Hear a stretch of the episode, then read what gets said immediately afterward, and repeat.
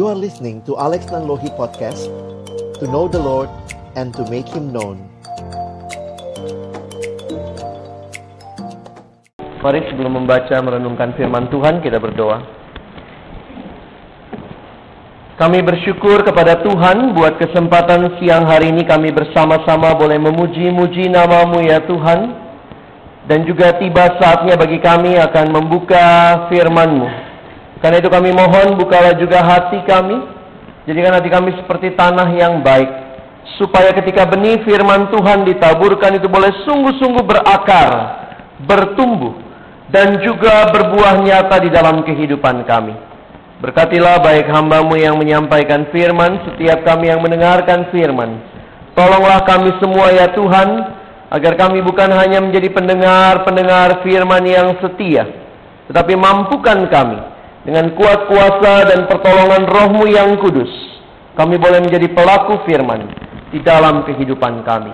Kami belajar memberikan respon yang tepat atas apa yang kami mengerti dan kami hayati pada siang hari ini. Di dalam nama Tuhan Yesus Kristus, Sang Firman yang hidup, kami menyerahkan jam pemberitaan firman. Amin. Shalom. Selamat siang teman-teman sekalian.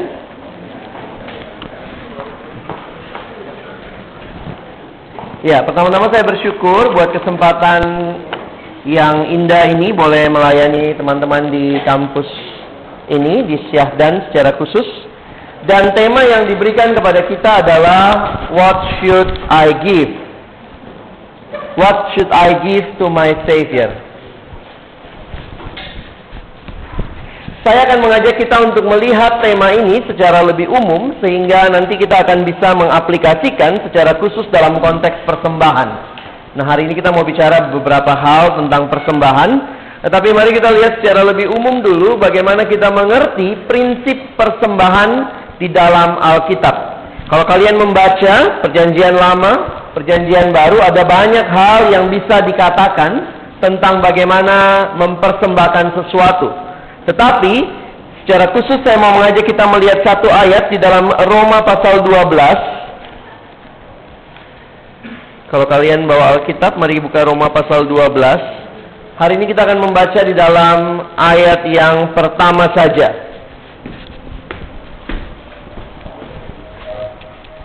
Roma 12 ayat yang pertama, saya mengajak kita akan lihat ayat ini bersama-sama dan kita akan coba menggalinya.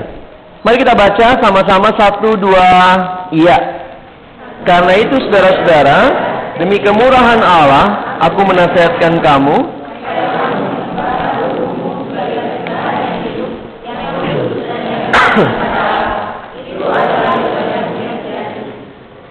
Ya, mari kita lihat sama-sama ini bicara soal persembahan juga dalam konteks perjanjian baru. Satu hal yang menarik yang kita harus perhatikan bahwa ketika perjanjian lama bicara tentang persembahan, maka perjanjian lama bicara tentang persembahan korban. Dan persembahan korban di dalam perjanjian lama digenapkan melalui persembahan diri Yesus Kristus di dalam perjanjian baru. Nah mari kita lihat sebentar waktu Paulus mulai kepada jemaat di Roma di dalam Roma pasal yang ke-12 ada hal yang menarik kebiasaan Rasul Paulus menuliskan suratnya dalam dua bagian ya. Kalau teman-teman tahu bahwa Paulus biasanya menulis suratnya dalam dua bagian ada bagian yang pertama yang biasanya lebih bersifat doktrinal. Ini bagian-bagian yang sifatnya lebih doktrinal. Hal-hal yang menjadi fondasi menjadi dasar apa yang menjadi pemahaman yang penting ini biasanya dia sampaikan di bagian awal suratnya. Dan bagian yang kedua dari surat-surat rasulinya, dia biasanya masuk ke dalam hal-hal yang sifatnya lebih aplikasi. Hal-hal yang merupakan penerapan. Menarik sekali kalau kalian perhatikan bahwa di dalam Paulus menyampaikan bagian-bagian suratnya, dia tidak hanya meminta jemaat untuk melakukan something, lakukan ini, tetapi dia memberikan dasar kenapa mereka harus melakukan itu. Sehingga menarik sekali, mungkin aplikasinya bisa sama. Orang Kristen berbuat baik. Orang Muslim berbuat baik. Orang Buddha berbuat baik. Tetapi apa yang membedakan? dasarnya. Mengapa kita berbuat baik? Saudara dan saya berbuat baik bukan supaya selamat. Saudara sepupu kita berbuat baik supaya dia diselamatkan. Sehingga ini menjadi hal yang menarik kalau kita memperhatikan surat-surat rasuli bahwa Paulus tidak hanya menyuruh mereka melakukan serentetan kewajiban Kristiani, tetapi dia memberikan sebuah dasar yang jelas mengapa mereka harus melakukan hal itu. Sehingga pada hari ini saya ingin mengajak saudara juga melihat sebelum kita bicara aplikasi kepada persembahan, nanti kita lihat bagaimana Paulus juga memberikan dasar pemahaman tentang hal itu. Nah, kalau kita lihat di dalam kitab Roma secara khusus, Roma ada 16 pasal. Bagian yang pertama kitab Roma, Roma 1 sampai Roma pasal 11, ini merupakan bawasan doktrinal yang Paulus berikan. Nanti saudara masuk ke dalam Roma 12 sampai Roma pasal yang ke-15, ini bicara soal aplikasi. Dan Roma pasal 16 ini bicara soal salam penutup. Nanti menarik ya kalau kalian akan bagian ini menarik untuk melihat bahwa bagaimana Rasul Paulus bicara lebih dahulu hal-hal yang doktrinal. Jangan heran kalau baca Roma 1 sampai Roma pasal 11 itu lumayan repot bacanya. Lumayan rumit pemahamannya. Tetapi waktu masuk ke dalam Roma 12 sampai Roma 15 itu hal-hal yang praktis. Hal yang berkaitan dengan hidup sehari-hari. Bagaimana kita harus hidup. Nah sehingga kita bisa melihat bahwa sebenarnya Roma 12 ayat 1 menjadi kunci yang penting untuk meling dua bagian ini. Antara Roma 1 sampai Roma 11 dan bagian Roma 12 sampai Roma 15. Sehingga kalau kalian perhatikan menarik sekali Roma 12 dimulai dengan kata karena itu. Kalau ada kata karena itu, pertanyaannya karena yang mana? Yang itu, itunya yang mana? Bagian sebelumnya. Nah, apa yang dituliskan dalam Roma pasal 1 sampai Roma pasal 11? Apa yang teman-teman ingat? Ayat-ayat terkenalnya apa? Roma 1 ayat 16. Apa itu? Eh, coba lihat sebentar.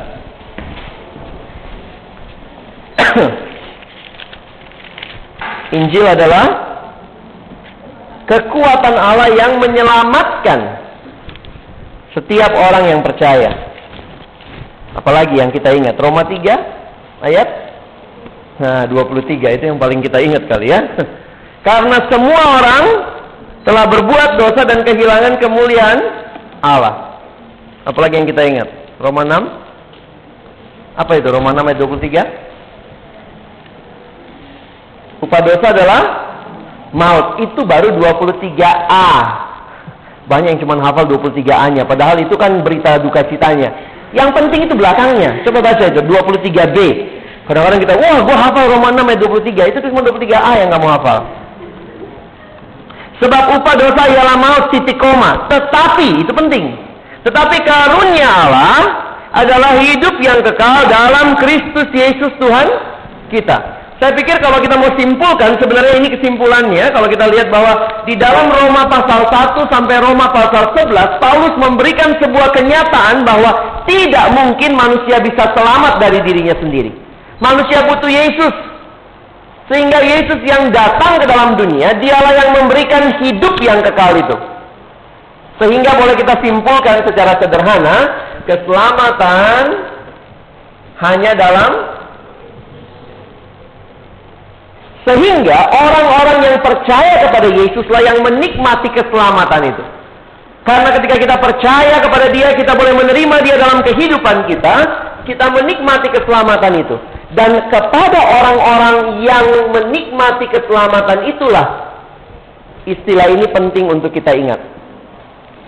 Karena itu, karena kamu sudah diselamatkan di dalam Kristus, lalu muncullah aplikasi persembahkan tubuhmu. Paulus tidak hanya bicara ayo persembahkan tubuh, tetapi dia memberikan sebuah dasar yang penting. Kenapa saudara dan saya yang sudah percaya kepada Kristus harus mempersembahkan tubuh? Karena apa? Coba lihat Roma 12 ayat 1 ada satu kalimat yang satu kata yang muncul di situ. Saudara-saudara demi demi kemurahan Allah. Nah, ini kata kemurahan Allah, mercy of God. Saya pikir ini juga menggambarkan apa yang terjadi di bagian sebelumnya. Keselamatan yang dalam Kristus itu itu hanyalah karena kemurahan Allah. Bukan saya yang bisa selamatkan diri saya. Bukan saya yang berjuang supaya selamat. Tapi Tuhan yang berkemurahan, beranugerah. Demi kemurahan Allah itulah, karena itu saudara-saudara demi kemurahan Allah, aku menasehatkan kamu. Lalu muncul bagian yang sering kali kita ingat ini. Persembahkan tubuh. Sehingga bagi saya kalau kita menghayati baik-baik ayat ini, yang mampu mempersembahkan tubuh hanyalah orang yang sudah mengalami kasih karunia. Tidak mungkin saudara dan saya bisa mempersembahkan sesuatu kalau kita nggak punya itu, betul? Ayo mau persembahkan apa kalau nggak punya? Perhatikan baik-baik, saya mencoba menafsir ayat ini dari satu kata, persembahkanlah tubuhmu sebagai persembahan yang Pernah perhatikan ini? Upah dosa adalah maut. Kok bisa saya dan saudara mempersembahkan persembahan yang hidup? Apa yang harus terjadi dulu baru kita bisa persembahkan sesuatu yang hidup? Kita mesti hidup terlebih dahulu. Di dalam dosa manusia mati. Waktu manusia mati mempersembahkan yang hidup, how come? Gimana bisa? Sehingga hanyalah orang-orang yang sudah mengalami Kristus dengan nyata di dalam kehidupannya, dialah yang bisa mempersembahkan tubuh sebagai persembahan yang hidup.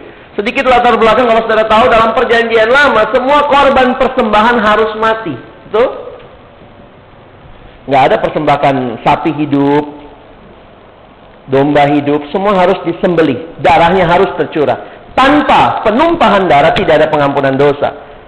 Tetapi menarik sekali dalam perjanjian baru ketika Paulus bicara kepada jemaat, dia pakai terminologi yang sama. Kata yang sama untuk persembahan di perjanjian lama dia pakai. Tetapi dia memberikan wawasan. Persembahkanlah tubuhmu sebagai persembahan yang hidup. Pertanyaannya, gimana bisa hidup?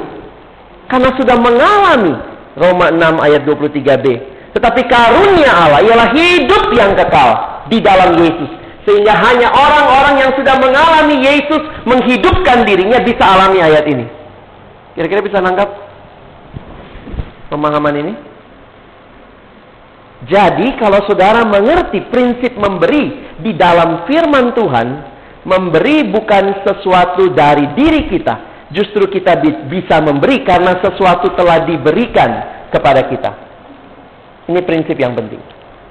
We are not giving something to God, but because he has given us something that we can give him back back to him kita bisa memberi karena Allah yang sudah terlebih dahulu memberikan kepada kita sehingga di dalam persembahan pun saudara dan saya harus mengerti ini adalah sebuah konsep anugerah ya bukan sebuah konsep saya mampu saya beri sama Tuhan kenapa kalau saudara baca Mazmur 24 ayat 1 Tuhanlah yang punya bumi dan segala isinya Loh, kalau begitu mau ngapain lagi kita?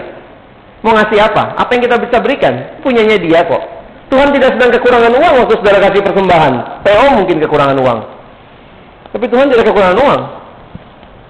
Sehingga mengertilah bahwa prinsip memberi bukanlah sesuatu yang bukanlah sesuatu yang berdiri sendiri dari kita kepada Allah, tetapi selalu ada linknya karena Allah memberi maka saya bisa memberi. Sehingga kalau sudah perhatikan persembahan yang hidup, yang kudus dan yang berkenan kepada Allah. Saya makin sadar, saudara, semua ini bisa dialami kalau kita dalam Kristus. Ada satu ilustrasi yang pernah diberikan oleh Ibu Pendeta Dorothy Marx waktu saya masih mahasiswa. Dia mengatakan sebenarnya kalau saudara mengerti baik-baik bahwa anugerah Allah itu seperti ini. Kalau ini adalah saya dan saudara yang berdosa, kalau ini adalah saya dan saudara yang berdosa, maka waktu kita mem, kita ber, menerima Yesus sebagai Tuhan dan Juru Selamat kita, maka dia mengatakan itu seperti kita sekarang dibenarkan. Saya sekarang berada di dalam Kristus. Waktu Allah melihat saya, Allah melihat siapa? Kristus. Yang Allah lihat adalah kebenarannya Kristus, bukannya saya yang benar. Bisa nggak dengan cara kita sendiri mempersembahkan persembahan yang kudus? Loh kitanya aja berdosa kok nggak kudus? Hanya orang yang mempersembahkan di dalam Kristus, persembahannya bisa dianggap kudus karena kekudusan Kristus. Ini prinsip substitusi. Di dalam anugerah Allah, saya yang berdosa dibenarkan bukan karena saya benar. Ingat kata dibenarkan berarti itu pasif dari luar diri saya. Saya dibenarkan, saya dikuduskan, saya dihidupkan, saya dikenan Tuhan. Sehingga waktu saya di dalam Kristuslah baru saya bisa mempersembahkan hal-hal yang ini. Saya cukup lama bergumul tentang ayat ini Berapa kali saya coba gali, memang menarik sekali. Bagaimana prinsip mempersembahkan itu hanyalah mungkin di dalam relasi dengan Yesus. Sehingga tidak heran kalau kita lihat di bagian akhir dari ayat ini ada kata yang muncul. Coba lihat sebentar. itu adalah ibadahmu yang yang sejati. Ada yang bawa terjemahan lain? NIV pakai pleasing uh, saya lupa. Kap, tapi um, King James pakai istilah yang ini. That is your reasonable act of worship. Itu adalah reasonable itu sebenarnya terjemahan dari bahasa aslinya kata itu menggunakan logikos. Ini bahasa Yunaninya. Logikos itu sama dengan kita bicara logika. Apa artinya logis? Apa itu logis? Masuk? Masuk akal. Perhatikan cara Paulus menjelaskan. Karena itu, karena kamu sudah ditebus oleh Tuhan dan sekarang kamu diminta mempersembahkan dirimu kepada Tuhan. Itu ibadah yang sejati, itu ibadah yang logis, itu yang masuk akal. Kamu ditebus oleh Tuhan, kamu persembahkan hidupmu kepada Tuhan. Itu logis. Yang tidak logis kalau kamu ditebus oleh Tuhan, kamu persembahkan dirimu sama dunia. Itu nggak logis. Itu nggak sejati. Tapi karena Tuhan sudah tebus hidup saya, maka saya pun mempersembahkan diri kepada Dia. That is logic.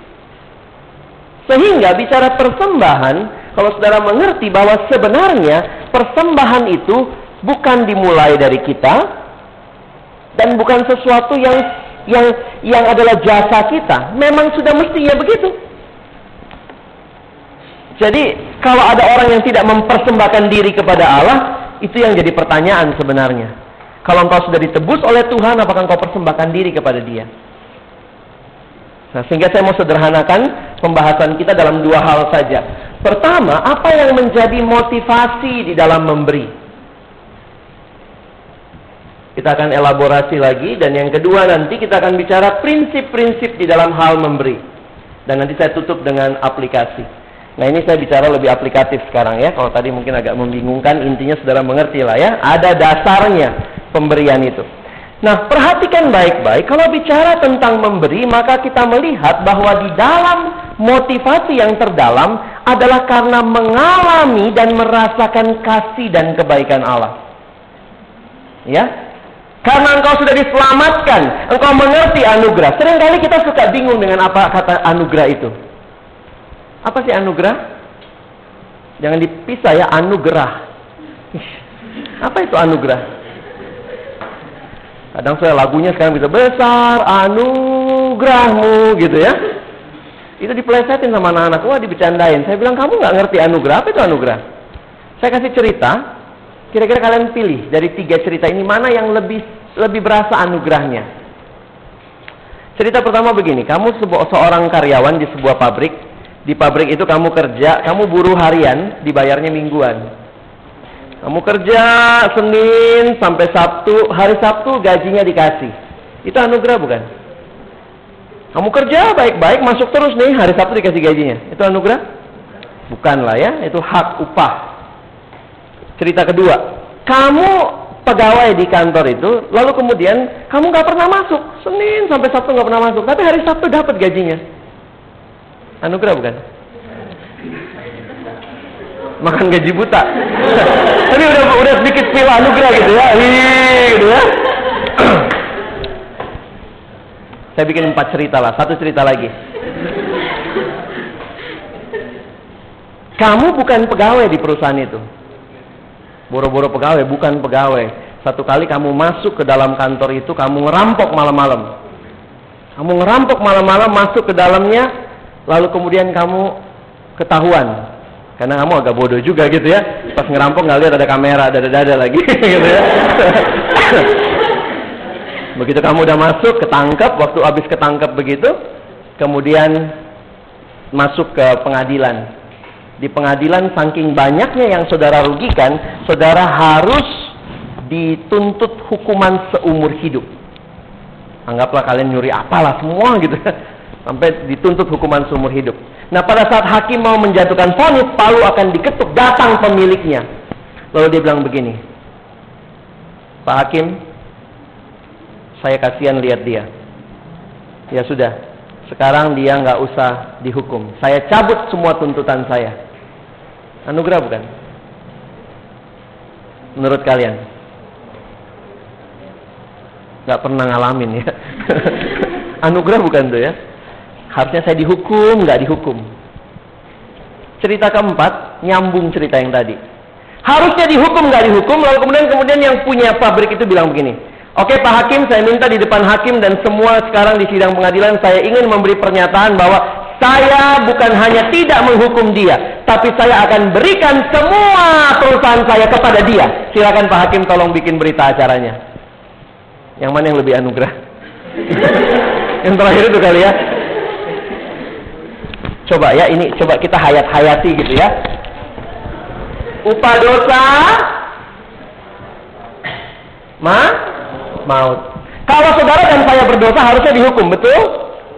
Tidak dihukum udah syukur nggak? Puji Tuhan, gua harusnya masuk neraka, nggak masuk neraka.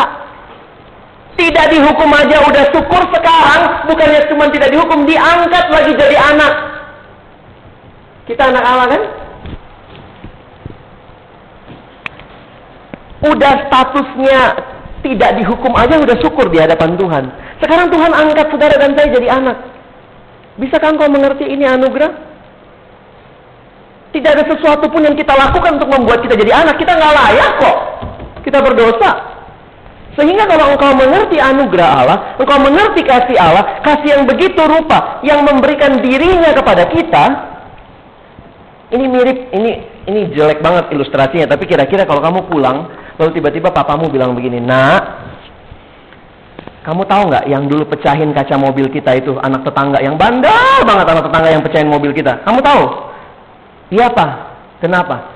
Terus kemudian papa bilang gini deh, kamu mati aja ya, papa mau angkat dia jadi anak papa. Kira-kira gitu ya, gimana rasanya ya? Saya kalau merenungkan Yohanes 3 ayat 16, coba sedikit merenung sebentar ya. Yohanes 3 ayat 16 masih ingat bunyinya? Karena begitu besar kasih Allah akan dunia ini sehingga ia telah mengandung anak yang tunggal supaya setiap orang yang percaya padanya tidak binasa melainkan boleh hidup yang kekal. Menurut Yohanes 3:16 saya tanya, siapakah yang Allah paling kasihi? hmm? Yohanes 3:16, siapakah yang Allah paling kasihi? Dunia. Dunia itu apanya? Bangkunya, mic-nya gitu. Manusianya ya. Menurut Yohanes 3:16 siapa yang Allah paling kasihi? Manusia setuju? Saya mau tanya. Allah mengasihi nggak anaknya yang tunggal? Hmm? Allah mengasihi anaknya yang tunggal nggak? Iya. Allah mengasihi manusia? Iya. Allah mengasihi anaknya yang tunggal? Iya juga. Siapa yang lebih dikasihi? Manusia. Kita sombong banget gitu ya. Itu sama kayak tadi ya. Terus Allah Bapa ngomong gini, Yesus lu mati ya. Gue lebih suka nih angkat anak bandel-bandel ini jadi anak gue. Lu mati aja. Saya pernah dengar khotbah dalam satu kebaktian Natal pendetanya berkhotbah dilema kasih. Waktu Natal terjadi dilema kasih. Allah sangat mengasihi manusia. Itu kalimat kita tadi kan. Uh, kita sangat dikasihi. Tapi Allah juga sangat mengasihi anak yang tunggal. Siapa yang lebih dia kasihi? Terus kita dengan sombongnya mengatakan kita dong, makanya anaknya suruh mati gitu. Waktu saya merenungkan hal ini, akhir khotbah itu pendeta itu mengatakan saya tidak mau menjawab karena saya bukan Allah, tetapi saya hanya mengerti demi mengasihi saya, demi menyelamatkan saya, dia rela serahkan anaknya yang tunggal. Dan itu di luar kemampuan saya berpikir. What is love? Nggak gampang mengerti kasih. Tetapi waktu saudara mengerti kasih yang seperti inilah, inilah dasar saudara dan saya persembahkan tubuh. Kalau engkau saja sudah ditebus Tuhan begitu rupa, dan Tuhan sekarang minta persembahkan tubuhmu. Aneh nggak? What should I give? Ngapain nanya lagi? You should give. Nggak usah nanya lagi, what should I give? All. Jangan nanya lagi. Ini ini masalah kita mengalami kebaikan Tuhan begitu rupa dia selamatkan kita, dia sangat mengasihi kita. Makanya kalau menurut Yohanes 3:16 coba berikan definisi definisi apa? Definisi kasih menurut Yohanes 3:16. Atau definisi memberi. Apa ya? Yohanes 3:16 coba buat definisi tentang kasih. Saya coba menghayati begini. Allah sangat mengasihi manusia. Allah sangat mengasihi anaknya. Kalau begitu apa artinya kasih? Kasih adalah memberikan yang paling saya kasihi kepada yang paling saya kasihi. Gimana tuh? Susah ya? Memberikan yang paling saya kasihi kepada yang paling saya kasihi. Kita buat sedikit Kristen kalimatnya ya. Mengasihi berarti memberikan yang paling saya kasihi atau yang terbaik kepada yang saya kasihi. Memberikan yang terbaik kepada yang saya kasihi. Dan itu sebuah pengalaman yang saya pikir tidak ada dalam pengalaman manusia. Ini bicara hanyalah pengalaman yang Allah izinkan kita alami di dalam Yesus. Kita dikasihi. Tapi demi mengasihi kita Allah berikan anaknya yang tunggal. Nah teman-teman, saya harap kita mengerti dengan jelas bahwa kalau Tuhan sudah begitu mengasihi kita, maka waktu Dia meminta sesuatu dari kita, itu bukanlah hal yang aneh. Saya cukup kaget waktu saya masih SMA dapat satu ayat. Mari lihat sebentar. 1 Yohanes pasal 5. Saya harap mungkin konsep ini bisa menolong saudara berpikir lebih jelas. Coba lihat sebentar 1 Yohanes 5. Coba lihat ayat yang ketiga. Kita baca sama-sama ya. 1 Yohanes 5 ayat yang ketiga. Satu, dua, iya.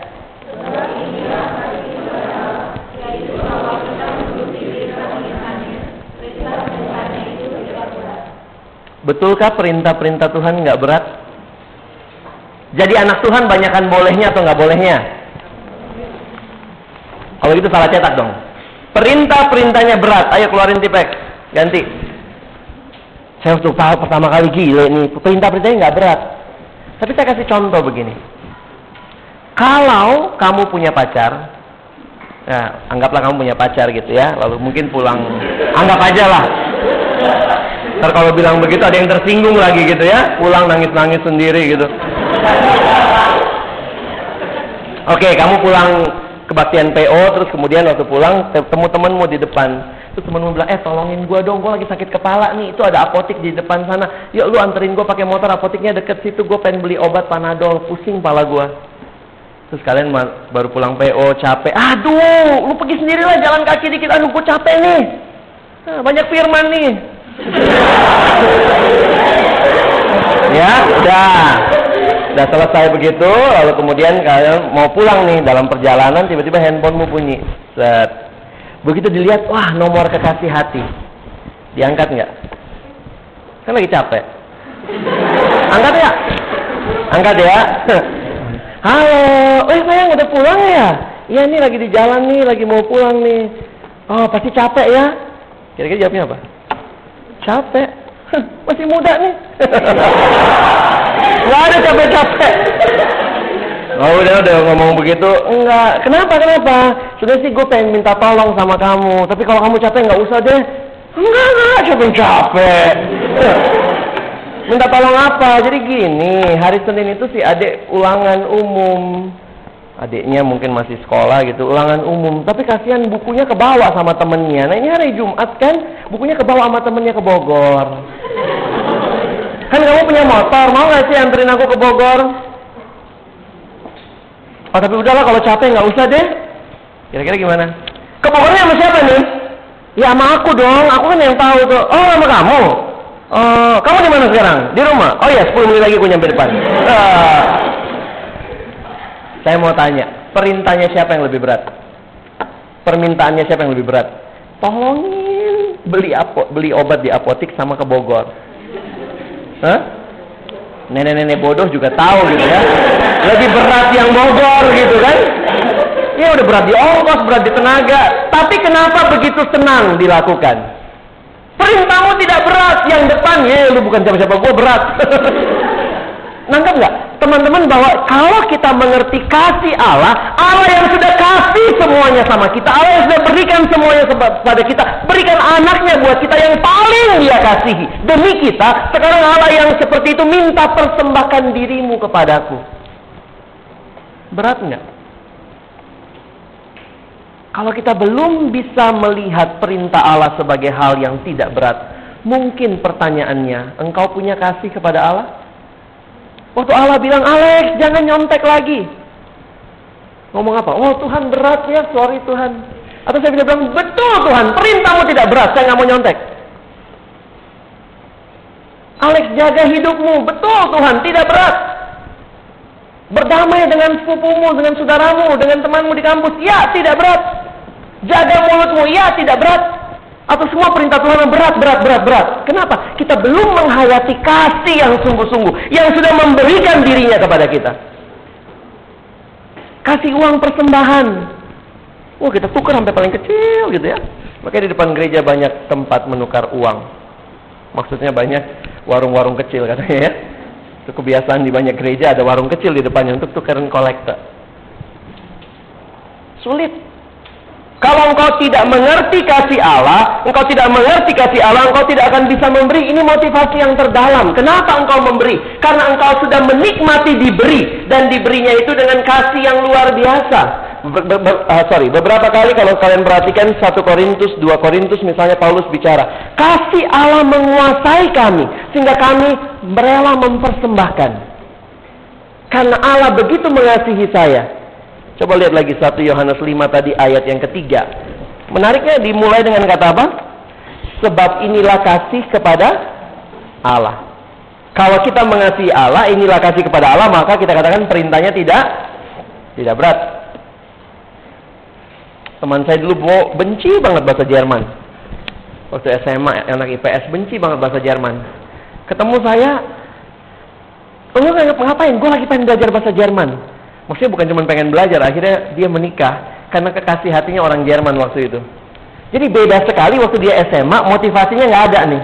Ya yeah, bahasa Jerman, nggak suka. Begitu dia ketemu calon orang Jerman, dia belajar bahasa Jerman.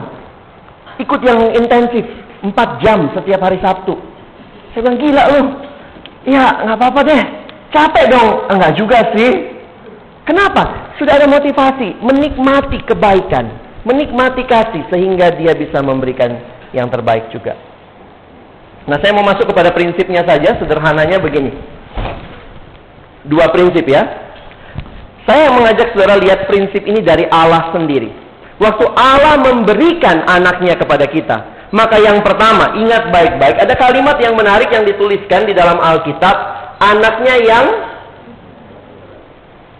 tunggal. Saya punya teman orang Batak, punya anak lima.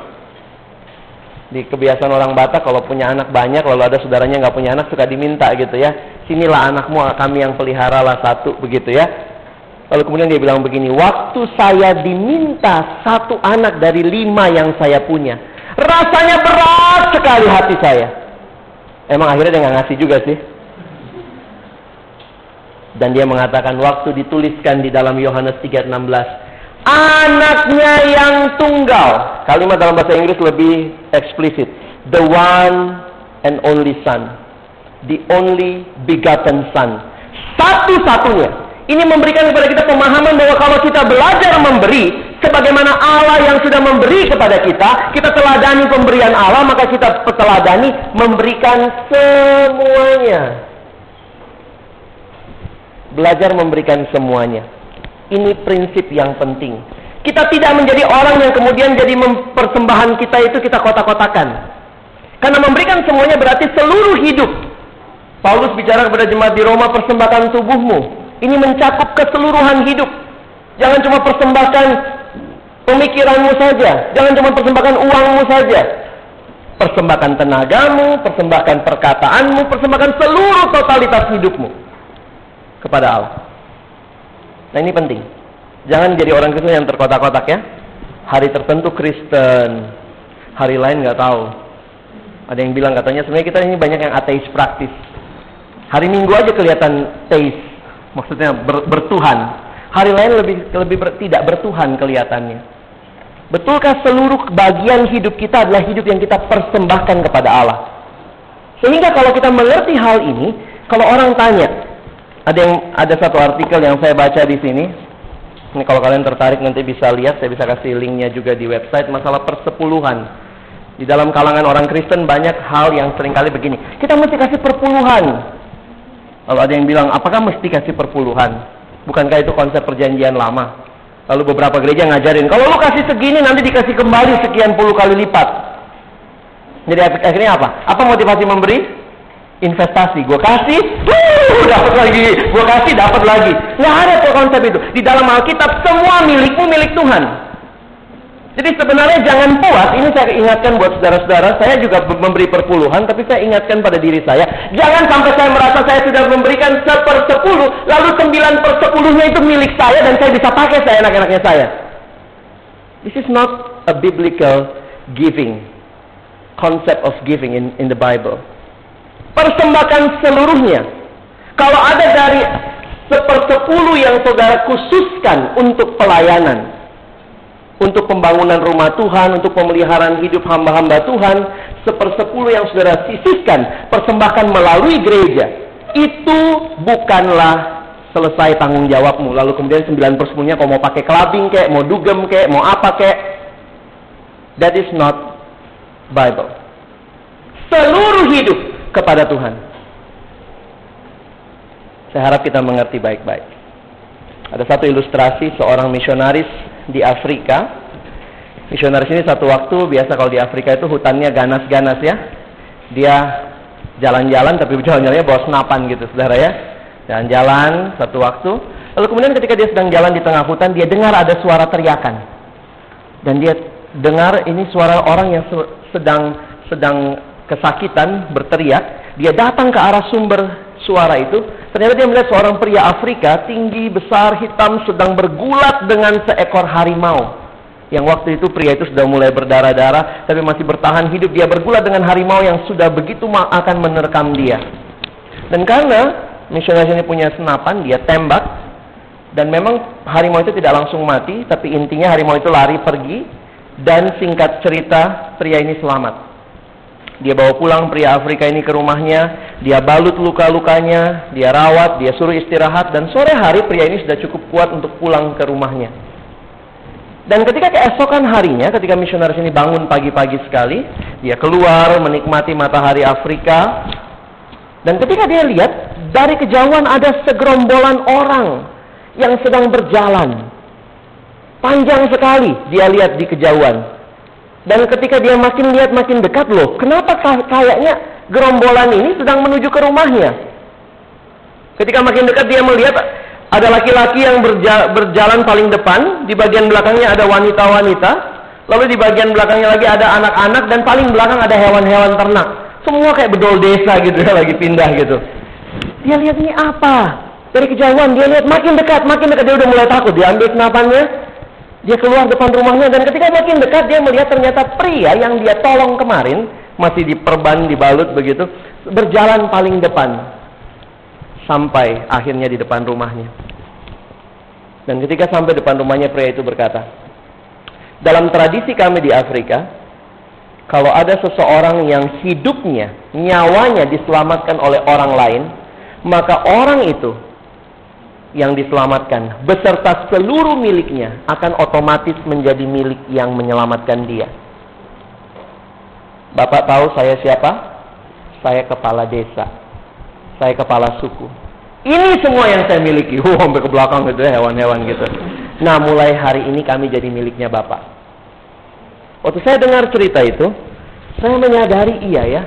Kalau dunia saja bisa mengerti apa artinya memberikan semuanya kepada seseorang yang menyelamatkan dirinya dari maut yang sementara. Saudara dan saya diselamatkan dari maut yang kekal, masuk ke dalam hidup yang kekal. Mari belajar memberikan semuanya kepada Tuhan. Giving all of yourself, giving all of your best kepada Tuhan. Jadi kalau kita bicara soal memberikan, kalian mesti bergumul. Ketika hadir di PO sebenarnya berapa persembahan yang akan kalian berikan? Persembahan dalam bentuk uang mungkin begitu ya. Tapi lebih daripada itu, ingatkan dirimu bahwa seluruh hidupmu, seluruh uangmu, seluruh waktumu, seluruh tenagamu, seluruh pikiranmu, itu pun milik Tuhan. Sehingga jangan terjebak dengan konsep yang sering kali hanya menekankan kasih sepersepuluh, invest, invest, invest. Nanti Tuhan lipat kali gandakan. Kita lupa bahwa sembilan persepuluhnya pun milik Tuhan. Dan saya secara pribadi belajar melihat begini. Mungkin akhirnya kalau engkau makin bertumbuh dalam Tuhan, persembahanmu tidak hanya sepersepuluh. Tapi nambah. Jangan puas ya udah kasih sepersepuluh ya. Nah ini sekedar hitung-hitungan. Mahasiswa Sebulan kamu cukup berapa? Ayo, cukupmu berapa sebulan? 2 juta. Ada yang dikirimin 2 juta dari kampung? Anggaplah ya, ini ya nggak tahu lah ya. Padahal kalau kerja juga belum tentu kalau dapat gaji segitu. Satu juta setengah. Kalau satu juta setengah, kasih sepersepuluhnya kasih berapa? Seratus lima puluh ribu. Kalau nanti kerja mau gaji berapa? Hai orang-orang IT, orang desain, mau gaji berapa? Berapa gaji yang cukup sih? Wah, lucu ya. Waktu mahasiswa satu setengah juta hidup. Waktu kuliah, waktu kerja, susah juga berapa gaji yang cukup. Tapi saya ingin ingatkan kepada kalian, hati-hati ketika gaji bertambah, karena kenyataannya begini, anggaplah waktu kamu alumni, plus tabungan, plus segala macam, kamu udah hitungan, satu bulan kamu kira-kira butuh dua setengah juta. Kalau kamu butuh dua setengah juta, anggaplah nanti kamu dapat gaji 15 juta. 15 juta perpuluhannya berapa? Wih, berasa 1,5 juta. Berarti kalau kamu kurangi 1 15 juta kurang 1 1,5 juta kamu masih punya berapa? 13 setengah juta. Padahal kebutuhanmu hanya dua setengah juta. Harusnya kamu masih bisa kasih lagi sekitar 11 eh, 10 jutaan ya. Ini berapa? 11 ya? Nangkep nggak cara hitung saya? Jangan puas sudah memberikan sepersepuluh. Karena belum tentu kebutuhanmu ketika gaji makin nambah, kadang-kadang yang memang sedihnya alumni kebutuhannya ikut nambah. Nggak butuh-butuh amat sih, handphone ganti. Kenapa? Karena teman saya handphonenya yang bisa, bisa kamera, bisa apa, bisa apa. Nanti lama-lama handphone itu juga kayak rumah gitu kali ya. Semua bisa di situ. Jadi masak nasi, rice cooker juga gitu. Jadi kadang-kadang saya melihat begini, nanti kamu nggak cuma kasih satu setengah juta, harusnya bisa kasih misalnya 11 jutaan begitu misalnya. Cuma kamu bilang, Ika, serem amat hidup kayak gitu ya, gaji kita besar, masa buat pelayanan semua? Tapi ini cara menghitung yang sering kali saya katakan, ada orang gajinya berapapun, dia tetap kasih 10%. Wah! Cara hitung seperti apa itu? Kalau kamu mengerti kebutuhan, ingat, waktu gaji naik, jangan kebutuhannya naik. Kalau bisa hidup sederhana, hidup sederhana. Dan kau hidup sederhana, kau bisa jadi berkat buat banyak orang. Dan ingat baik-baik, Tuhan menghadirkan kita sebagai jemaat. Kenapa kita kasih persembahan ke gereja? Itu bukan karena Tuhan kurang uang. Bukan karena rumah Tuhan kurang uang. Tetapi bagaimana uang yang diberikan melalui PO, melalui gereja dipakai mengelola di mana banyak jemaat bisa dapat berkat. Kita mungkin membangun gedung yang lebih besar agar banyak orang bisa masuk dan dengar Injil. Kita punya aksi sosial melalui dukungan persembahan itu. Itu gunanya uang itu. Sekali lagi bukan karena Tuhan kurang uang. Tuhan punya segala-galanya, tapi Tuhan punya dan dia percayakan kepada saudara dan saya. Ingat, saya selalu ingatkan diri saya dengan prinsip 2 Korintus. Kalau kantong saya penuh, mungkin ada kantong orang yang lagi kosong. Gak mungkin kan Tuhan cuma penuh-penuhin kantong kita ya. Wih, kantong gue penuh nih. Ini nambah lagi nih, nambah lagi. Jangan lupa ada orang yang kantongnya lagi kosong. Saya mendisiplin diri kalau ada persembahan, ada uang yang saya lebih dalam pengertian saya sudah hitung budget saya. Sudah, saya kasih. Ketika studi seperti saudara, saya mendukung beberapa adik-adik siswa untuk bisa sekolah sampai tamat SMA dan juga beberapa yang bisa selesai SD. Waktu mikir-mikir iya ya, uang kita banyak sebenarnya. Cuma kita terlalu serakah untuk belajar membagi. Dan ingat Tuhan sudah berikan segalanya, berikan juga segalanya. Terakhir, prinsip memberi adalah prinsip memberi yang terbaik. Kalian tahu apa lawan katanya the worst? Worst lawannya the best. Apa lawan katanya the best? Ini yang bodoh saya apa kamu gitu ya? Kok nanya lagi the best lawannya the worst? Menurut ilmu manajemen modern, lawannya the the best bukan the worst. Lawannya apa? The good. Maksudnya apa? Banyak orang merasa sudah memberikan yang baik kepada Tuhan, dia tidak terpacu lagi memberikan yang terbaik. Iya, saya saat teduh kok, Kak. Ya, tapi kalau nggak sempat pagi ya malam. Tetap kok saya saat teduh. Tapi is that the best quality you can give? Kamu nggak bisa disiplin waktunya pasti pagi. Jam segini sampai jam segini. Kuliah aja kita pastiin kok. Saat teduh kok tergantung situasi kondisi. Nangkep maksud saya? Kalau ada uang kecil, ya saya kasih persembahan. Kalau nggak ada, kemarin teman saya sharing soal uang persembahan. Dia bilang beberapa kali dia tidak ada kembalian di kantong, nggak, mungkin nggak ada uang receh di kantong. Tapi Tuhan gerakkan dia, kasih segitu, kasih. Ya sudah, dia kasih. Dia bilang, saya belajar memberi seperti janda itu, memberikan semuanya. Dan waktu dia kasih, ya Tuhan dengan cara yang ajaib juga ya, penuhkan kembali apa yang memang Tuhan berikan buat dia. Tidak selamanya waktu dia kasih pasti dapat baliknya gitu ya. Enggak begitu. Saya harap-harap saudara jangan punya konsep begitu. Tapi belajar memberikan yang terbaik. Dan terbaik itu kita gumulkan, kita disiplinkan diri. Setiap bulan berapa persembahanmu masuk ke mana?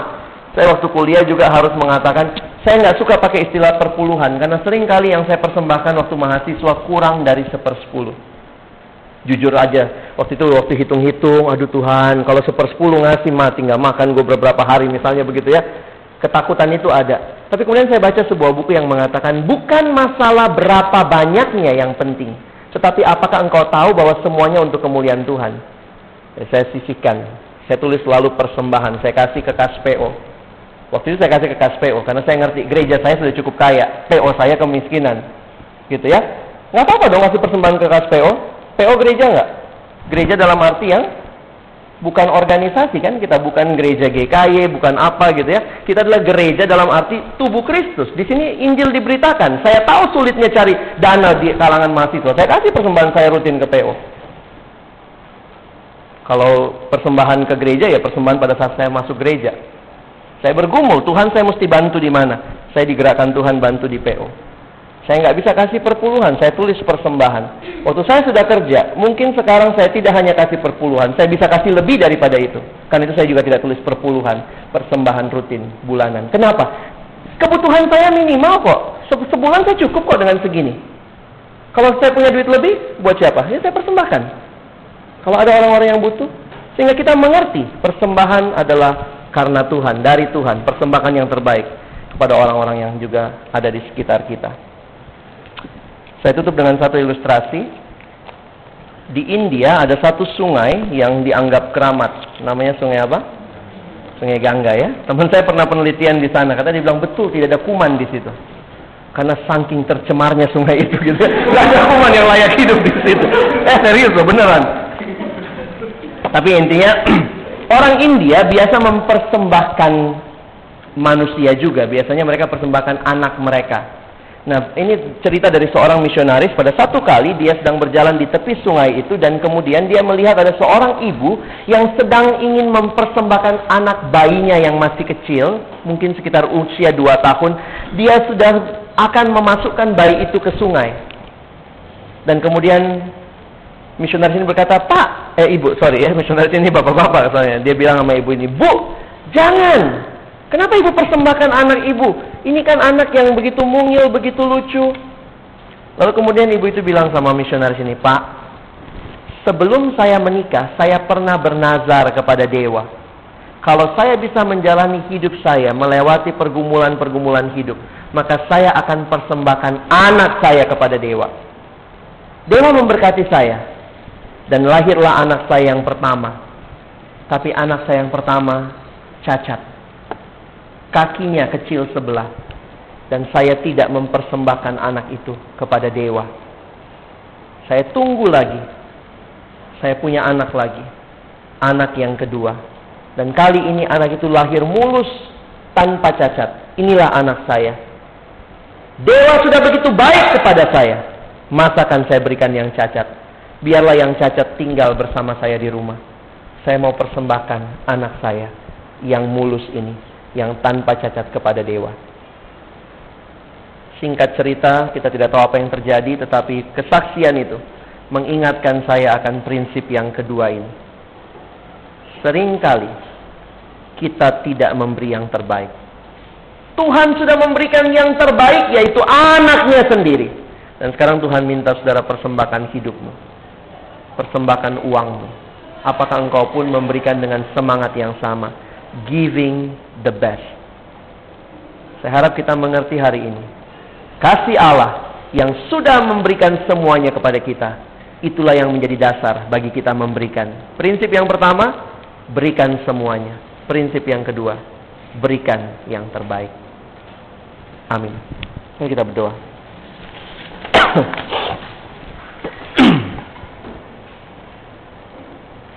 Dunia punya banyak konsep memberi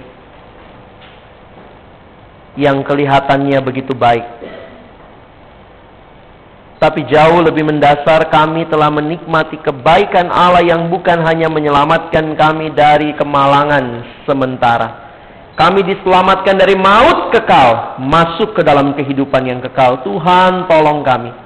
Agar ketika Tuhan juga meminta kami mempersembahkan diri kami kepadamu mempersembahkan uang kami kepadamu, mempersembahkan talenta kami kepadamu, mempersembahkan waktu kami kepadamu, tenaga kami kepadamu. Tidak ada yang kami tahan-tahan karena sebenarnya hidup kami adalah milikmu ya Tuhan.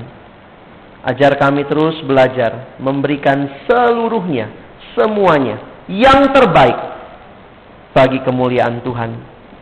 Ampuni kami yang masih suka hitung-hitungan, kami yang masih merasa Tuhan berhutang sesuatu kepada kami.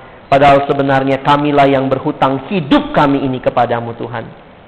Tolong kami agar apa yang kami renungkan pada siang hari ini secara khusus dalam aplikasi persembahan kami belajar memberikan yang terbaik menurut kehendakmu.